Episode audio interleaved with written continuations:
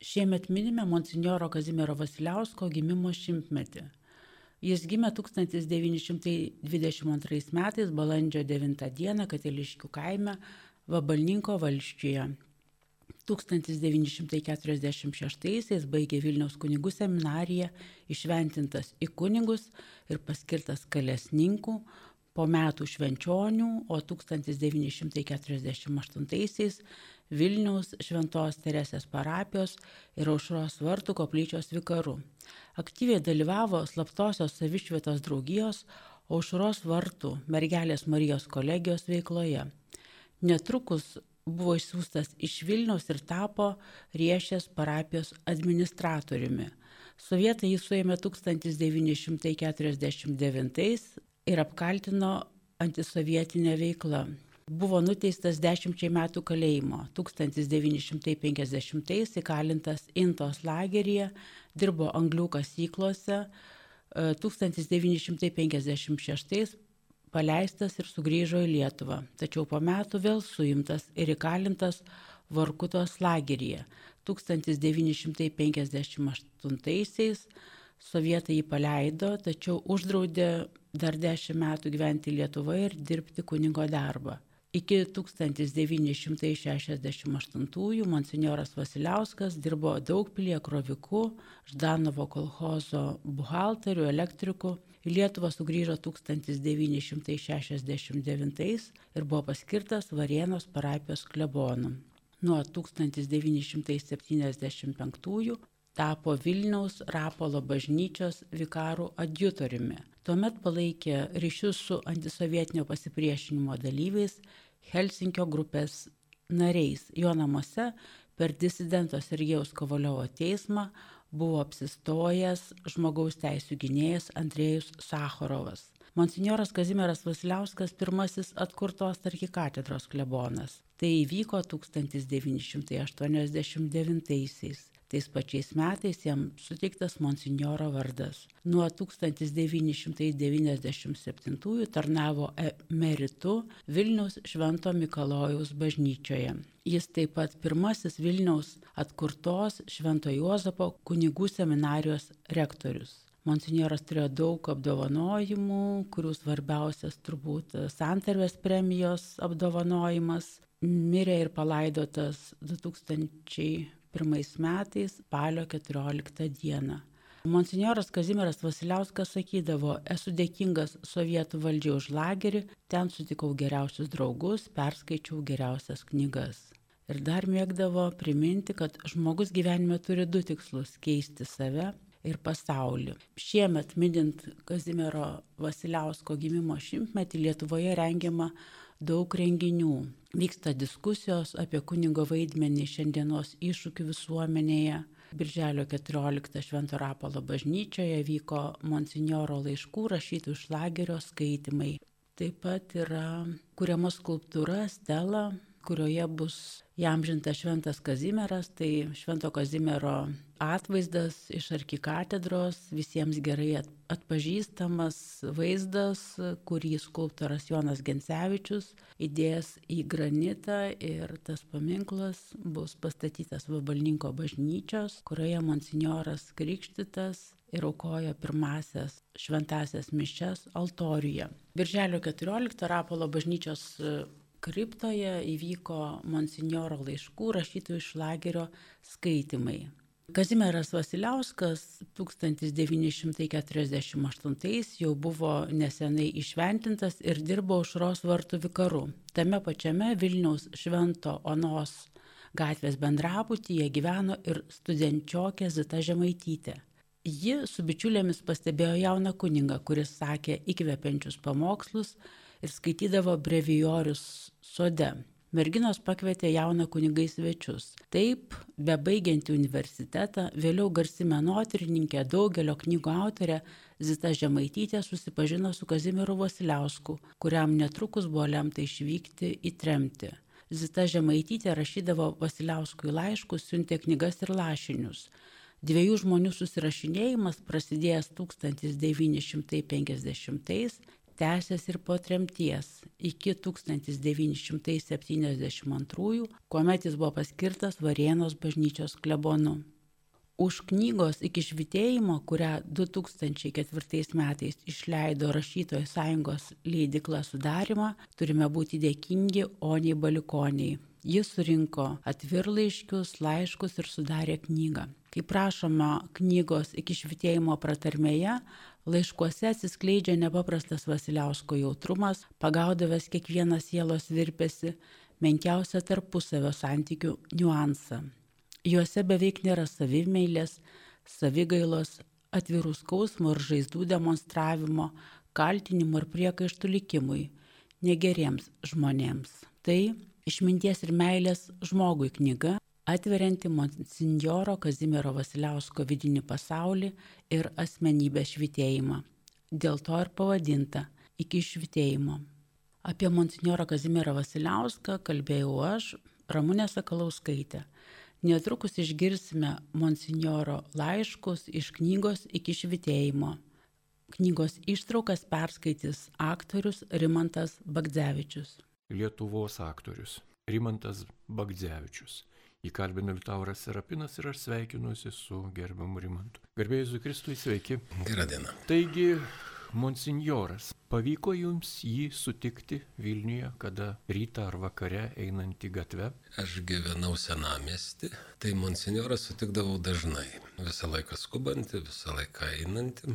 Ir iš pat pradžių supratau, kad čia monsignoras iš nugaras. Nes pavyti buvo sunku, o visi prieš jo sutiktieji, kuriuos jis sutikdavo, visi su juos sveikinasi. Ir aš supratau, kad prieš mane, prieš kokius 15 metrų eina monsinjoras. Buvo labai aišku ir, ir visiškai ir iš figūros, ir iš visko, ir iš to, kad visi sveikinasi. O po to jau dalykiškai su juo susitikom be abejo, nes mūsų teatre, kai tie nepriklausomybė ir katedra buvo gražinta, tai katedra buvo arčiausiai teatro ir staiga visi norėjo jau dalyvauti ar mišiuose, ar, ar pašventinime kokiam. Ir be abejo daugiausiai būdavo užpirktų mišių. Tai va čia mes su vienu amžinatilsi kolega ėjom gal du ar tris kartus į Zakristiją ir, ir kaip tik mus pasitikdavo monsinjoras. Ar jis buvo neformalus žmogus, ar buvo toks oficialus? Koks? Ne, visiškai neformalus, visiškai. Ir aš tai iš tikrųjų net esu nustebęs, nes e, kadangi aš menkai, menkai pažįstu katalikišką sritį, tarkim taip, nes aš esu liuteronas. Tai kai užeini į Zakristiją, tai paprastai ir man irgi buvo toks, kad mane labai barė kunigas Mikalojos bažnyčiai, kai mes vaiką krikštėm, nes dėl visko barė, žodžiu, buvo nemalonu. Ir dabar, kai mes atėjome į, į Zakristiją katedroje, tai ne tik, kad su šypsena pasitiko, kas įdomiausia, bet po to, kadangi truputį mano kolega buvo toks mėgėjas kažkokio ar vinelio ar ko ir matyt kvepėjo jisai truputį. Tai monsinjoras taip pažiūrėjo į jį ir paklausė, tai gal vinelę. Mane tai iš vis išmušė iš vėžių, nes nu, taip priimti vietoj to, kad vėl kažkaip pabarti ar na truputį kažkaip pamokyti, tai atvirkščiai. Tai va, nedaug mūsų susitikimų. Ir dar vienas susitikimas buvo tada ant Tauro kalno, buvo tie profsąjungų kultūros rūmai. Ir ten buvo susitikimas su vaikų saviveiklos kolektyvu kažkokiu. Kai visada labai tos vadovės aktyvios, jos visada kviečiasi viską. Tai mane pakvietė kaip jauną aktorių, tada aš tikrai dar buvau labai mažos praktikos. Ir va ten mes sėdėjom kartu su monsinjoru greta ir buvom vertinimo komisija. Tai aš, kai pradėjau griežtai vertinti, tuo metu man viskas buvo arba juoda, arba balta, čia negerai, čia blogai pasakė, čia tas. Ir monsinjoras kažkaip pasakė, gal mes tuos vaikelius jau vertinkim, kaip jie nusipelno, kažką panašiai tai pasakė. Ir aš užsičiaupiau, nesistatyliai, ramiai kažkaip man pasakė konkrečiai, negarsiai. Ko gero buvo nemaža pamoka, jeigu iki šiol atsimenu. Matyt, kažką palėtė, nes monsinjorui Vasiliauskui tikrai pamenu vaikų tema toje mokymo, sakykime, didaktikos praktikoje buvo labai artima dušiai, artima jo pasaulyje žiūrai. Jis turėjo tam tikrą tokį sakinį, kurį labai dažnai pamoksluose kartodavo. Tai sakydavo, iš to dangaus, kurį mums sukūrė Dievas, mes šiuo metu matome tik žvaigždės ir vaikus. Nieko kito nebeturime, viską praradome. Na, nepraradimo tai tema yra, bet to grožio. Vaikai ir žvaigždės. Jam visą laiką. Kartais pažaisdavo, pažangliruodavo, pridėdavo gėlės ir vaikai. Mm. Arba žvaigždės vaikai, arba gėlės vaikai. Monsignoras jaunimo tarpio, kaip jaunuoliai žiūrėjo į kunigo, tuo metu vis tiek jį buvo perversmas. Kunigai pasirodė viešumoje ir tas jaunimas, kaip tuo metu atrodė visą tai. Aš galvoju, kad, na, pirmiausia, be abejo, aš dirbau tuo metu Kaune, kai atėjo nepriklausomybė ir aš čia buvau, tik tai atvažiuodavau kaip į gimtą miestą pas, pas motiną. Aš šiai būdavau nedaug Vilniuje, ir Kaune vyko irgi labai įtemptas darbas, sakyti. Už tai ir sakau, kad kai mes su juo buvome toje vertinimo komisijoje, tai aš iš, iš tos savo darbinės patirties ir aš buvau labai kritiškas. Ir, o tiek, kiek matydavau Vilniuje, tarkim, po to, kai jau grįžau į Vilnių, kunigus gatvė, jeigu apie šitą temą, tai labai džiaugdavausi, nes anksčiau juk matydavau kunigus einančius gatvė tik filmuose. Ir kai pasipylė ir kunigai, ir vienuoliai, ir vienuolės, tai, na, man atrodė, kad mes jau laisvi ir mes jau kapitalizme vaikštom, nes iš tikrųjų buvo toks vaizdas. Bet Vilniui, Kaune aš to nepastebėdavau, gal, skubėdavau, gal. Tai toks, jeigu kalbant apie monsignorą, iš tikrųjų, kodėl aš lydėdavau tą savo kolegą kuris priklausė katedros parapijai. O aš jį lydėdavau, nes aš iš tikrųjų antrą kartą jau norėjau pamatyti vėl monsinjorą parapiją, kai mes ėjom vėl mišių užpirkti užmirus, užmirusius aktorius. Ir tai turbūt liūdėja, kad na, čia daugiau negu smalsumas. Čia yra kažkoks noras vėl pamatyti tą žmogų, vėl pažiūrėti, koks jis galbūt vėl kitoks ar ką. Bet vėl su šypsena, primė, aš sakau, mes jūs tris kartus aš ėjau ir kažkokia tiek dvasia tokia spinduliuodavo labai geranoriška. Tokia, kai, kai žmogus šypsi, tai atrodo, tu su juo kalbėtum ir kalbėtum. Ir, ir viską iškalbėtum. Ir kas blogai, ir kas, bet tai vad, kai žmoguje toks talentas, kai tokia dvasia, tai yra ką prisiminti, atrodo, iš menkučių, menkučių dalykų visiškai Juk jeigu taip atvirai, tai mes nebendravom, tik tai susitikom kažkiek kartų ir viskas. Bet kai dabar pakvietė, tarkim, ar paskaityti jo laiškus ar ką, tai, tai net nėra jokių abejonių ar ką nors. Tai viskas, viskas kas su juo susiję, yra iš tikrųjų, iš tikrųjų brangu.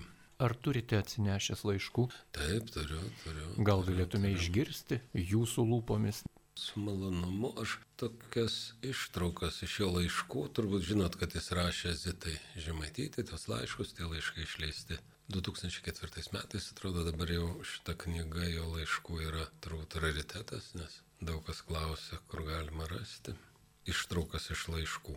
Atsakydamas į patarimus, aš nesprendžiu jų iš principo, iš giliausių priežasčių nes juos, man atrodo, pakankamai sugriauna ir pati artimiausia, grubiausia realybė.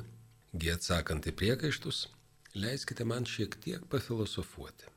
Mes visuomet kaltiname ir patariame žvelgdami į savo susidarytąją laimės savoką. O kiekvienas žmogus turi savo laimės kelią.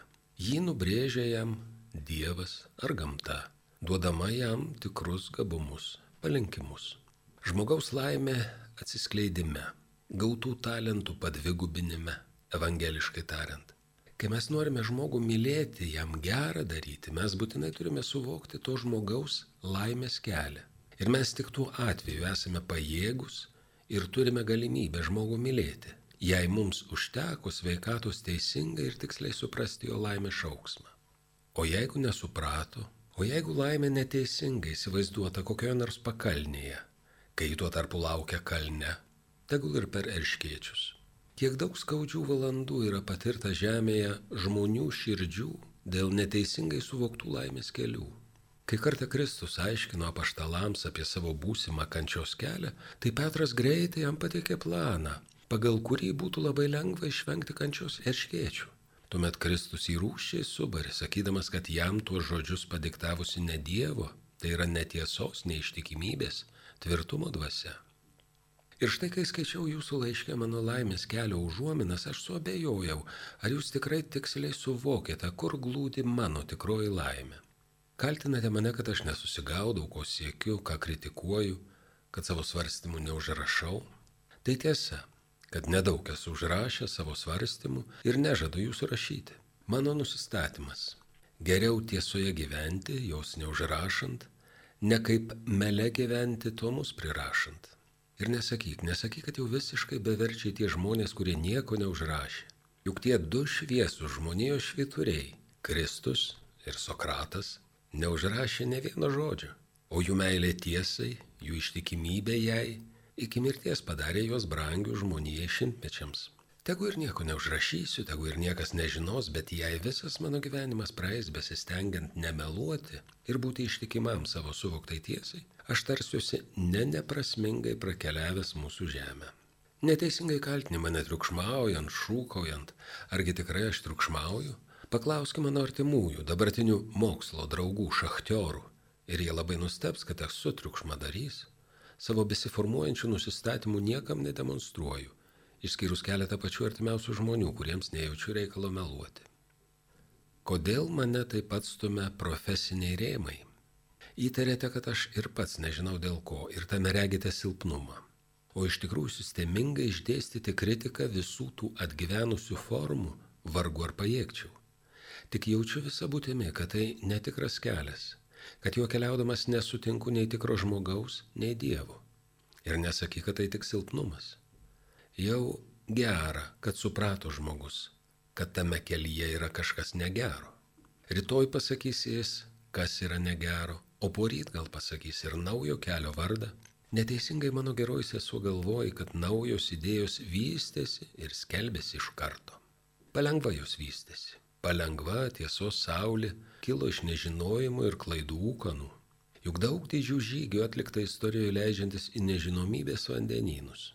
Juk ir Magelaną iš ramybės lėnių į bekraščius vandenynus pakvietė netvirtas žinojimas, o kažkoks nerimas ar nujautimas.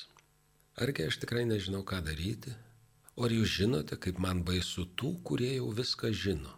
Koks dažnai juose sustingimas, atbukimas? Nežinau, kaip tikrai galima būtų tarnauti Dievui ir žmogui, bet man jau tikra, kad labai prastai jiems tarnauju, kai tarnauju už pinigus. Kai visas pagarbinimas Dievo išsisėmė škaplierių užsidėjimų, rožančiaus atbambėjimų, savo visokių niekelių pasiplėpėjimų dvasiškai asabai. Man norisi Dievą artėti visą būtimi, nieko apie jį nekalbėti, o jame gyventi. O kaip man noris patekti į fabriką ir būti sažiningu geru darbininku ir padėti žmogui ne škaplieriais, o jo vertybėmis, kurios tegul padės tik jo fiziologiniai būčiai, bet jau tikrai Kalbėti bobutėms apie darybių perlus, masinti jas dangaus grožybėmis, graudinti pragaro baisenybėmis, kai visą tai sunku. Ir jūs man, kaip realus žmogus, nuolatos rodote tą kelią. Tai vad tokia ištraukėlė, rašyta 59 metais iš Vorkutos. O jums tos ištraukos, ką jos duoda? Turbūt mes susitikę kalbėjom kaip tik, kad mes liktai artėjam į vieną tikslą. Kuo, kuo, kuo labiau senstame, tuo labiau artėjame prie kažkokių tai nuojautų, tikslų. Tai man tai irgi yra kelio kažkokie akmenys ir turbūt nemaža atrama vertybinė. Tai ir tai talentingo žmogaus laiškai, tai už tai labai gera liktai mintimis pasidalinti. Jis man kalba, aš jam kalbu. Taip kartais būna. Aš dar vieną apie tai, kaip 55 metais jis rašo iš Intos, man atrodo, iš tų šachtiorų lagerių, labai trumpa, bet visiškai kita jo pusė apie laidotuvės. Vakar labai įspūdingos laidotuvės buvo pas mus. Laidojo vieną brolį, palyginus dar neseną 28 metų vyrą. Jis jau niekad nebematys tėvų šalies, dėl kurios jis viską atidavė. Širdis net laikė. Sustojo plakusi. Matyt, labai pavargus buvo. Ne juokai juk metų metus nešti nelaisvės pančius, metų metus būti niekintam, o baimės, dar išgastys, gėlos, ilgesiai, apsivilimai, nevilties naktis. Pirmąjį kartą Intos apylinkės matė tokias laidotuvės.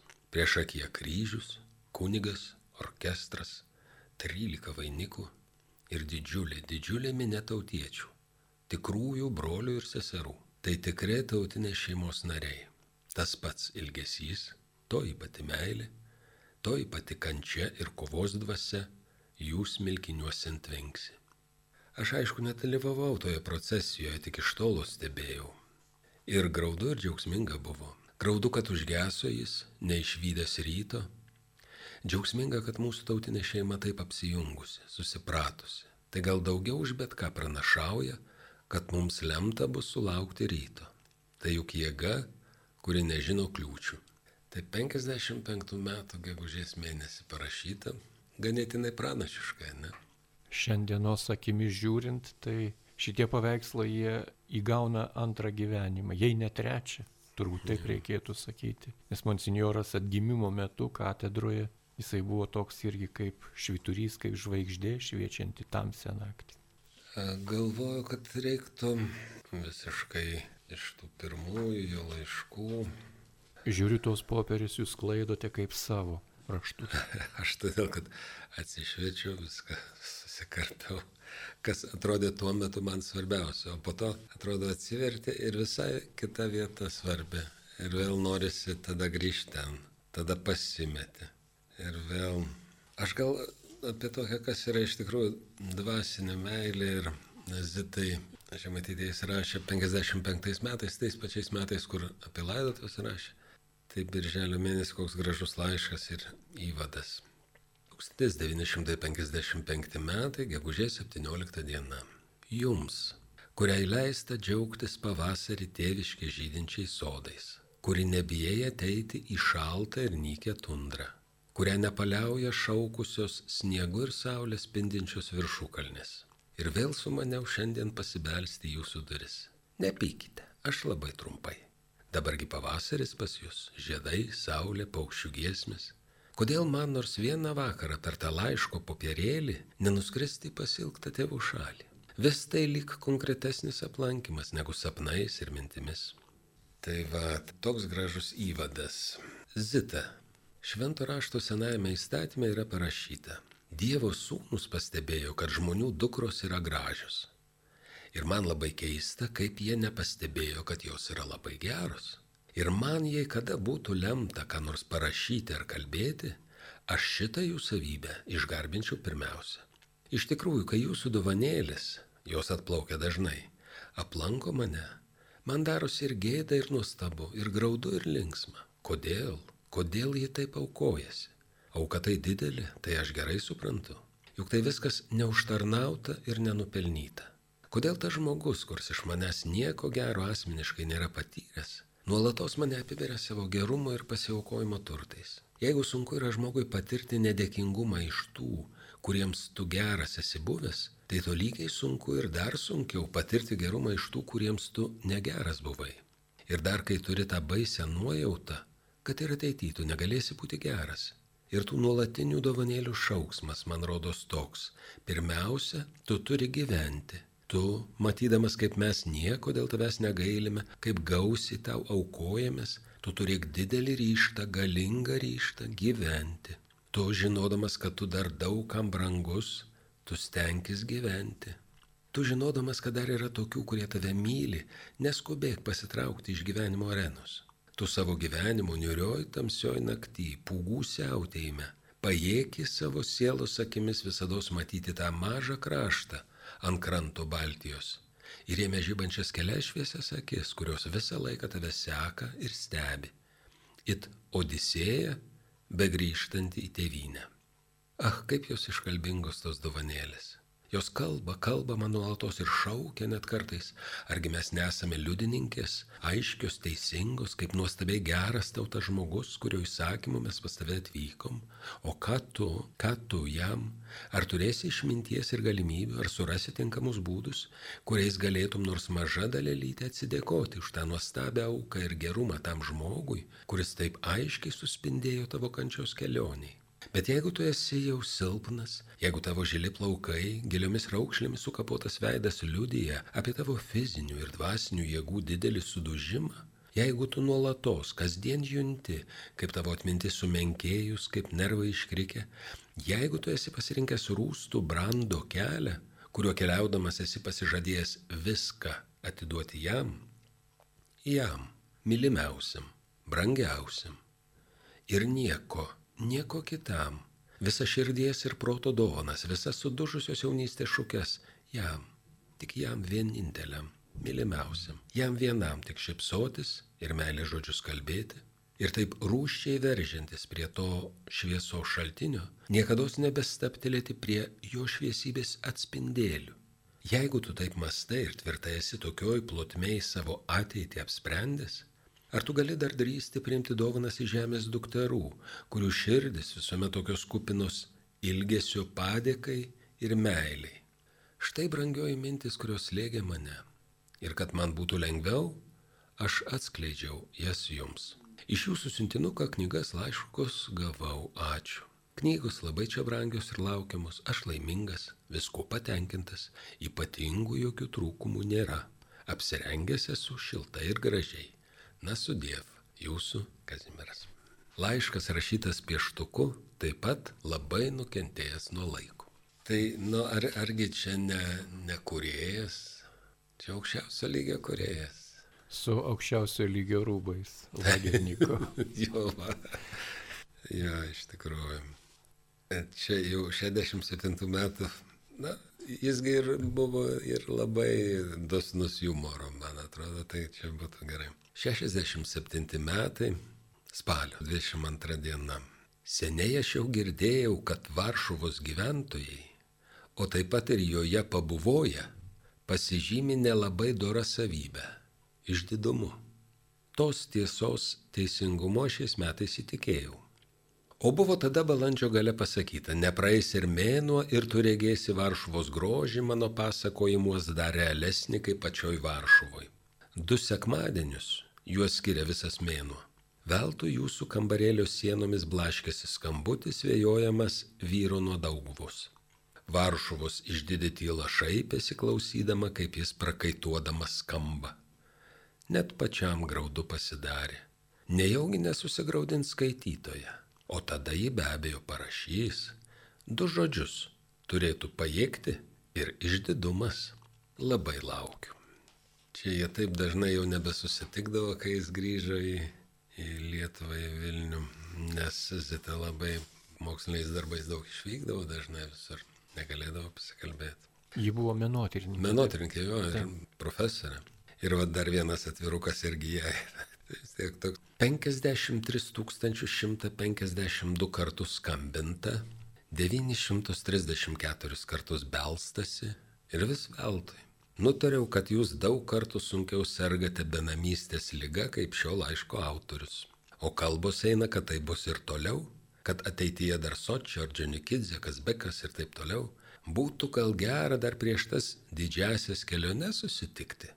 Juk kartais taip gerai pasisekdavo padaryti kai kurias suvestinės, o gal būtų jums nelabai sunku aplankyti kokį vakarą varėną, nuo šio vakaro spalio vakarais aš kas vakarą būsiu darbovietėje maždaug nuo 18 iki 22 valandos. Jeigu jūs išvyktumėte iš Vilniaus 16 val. tai 22 val. galėtumėte labai patogiai grįžti o man tiek daug visokių protingų patarimų galėtumėte duoti, o nuo stoties į mano darbovietę tik porą žingsnių. Jeigu negalėtumėte atvykti, būtų gera, jei parašytumėte. Iki, su geriausiais linkėjimais. Smagu šiaip vartyti. Ir vėl ilgai tylėjau, o jūs ėjot ir ėjot. Nebuvau aš jau taip blogas, siunčiau pas jų žmogų, kuris turėjo nunešti mano keletą nuoširdžių žodžių, o tas žmogus pasirodė žioplas, pražudė mano žodžius ir mano tylėjimo laiką neleisnai pratėsi. Jūs nepykite, kad retai rašau. Jums gaunasi, jūs parašote daug įdomių žodžių ir žodiniai formoje mokate dailiai kūnyti savo sielos būseną ir nuotaikas. Man gera, kad jūs rašote drąsiai ir atvirai. Jūsų laiškos nėra nei pataikavimo, nei dailinimų, iš karto jaučias, kad gyvenimo paveikslas nutapytas teisingai. Man nesigauna neteina pas mane tie žodžiai, kurie nuplėšia nuo sielos uždangą. Ir nerašau kartais, kad sarmata. Mano laiškai tampa demonstravimu mano skurdo. Ir savikritika, ir viskas tai yra taip vartai ir, ir džiaugiesi ir kalbėsi to pačius. Rimantai, kodėl monsinjoras Kazimiras buvo taip išlaisvėjęs? Laisvės jis nematė daug metų. Iš kur ta laisvės dvasia jame, kaip jums atrodo? Aš galvoju iš kelio pasirinkimo, labai samoningo kelio pasirinkimo. Ir tai, ką iš čia, kai kuriuose laiškuose tik pabrėžia ir vieną aš perskaičiau apie tarnavimą Dievui aukščiausių lygių, turbūt tada jis ir išlaisvėjo. Kai paaiškėjo vienintelis kelias, čia toks žmogaus išlaisvėjimas, kad aš jam taip pavydžiu. Tiesiog pavydžiu. Kaip žmogui, kurį apšvietėm. Turbūt taip. Dėkojame Jums už šią valandėlę ir priminimą nuostabaus Vilniečio, monsinjoro kunigo katedros klebono, kalinio angliakasiu Kazimiru Vasiliausku. Šachtioro. Taip, jisai save taip ir vadindavo ir nebijojo to darbo žodžio. Taigi šioje laidoje, mėly radio klausytojai, vėlgi priminėme jums monsinjorą Kazimierą Vasiliauską. Ta darbą padaryti labai savotiškai atlikti padėjo puikus aktorius ir skaitovas Rimantas Bagdzevičius. Likite su Marijos radiju.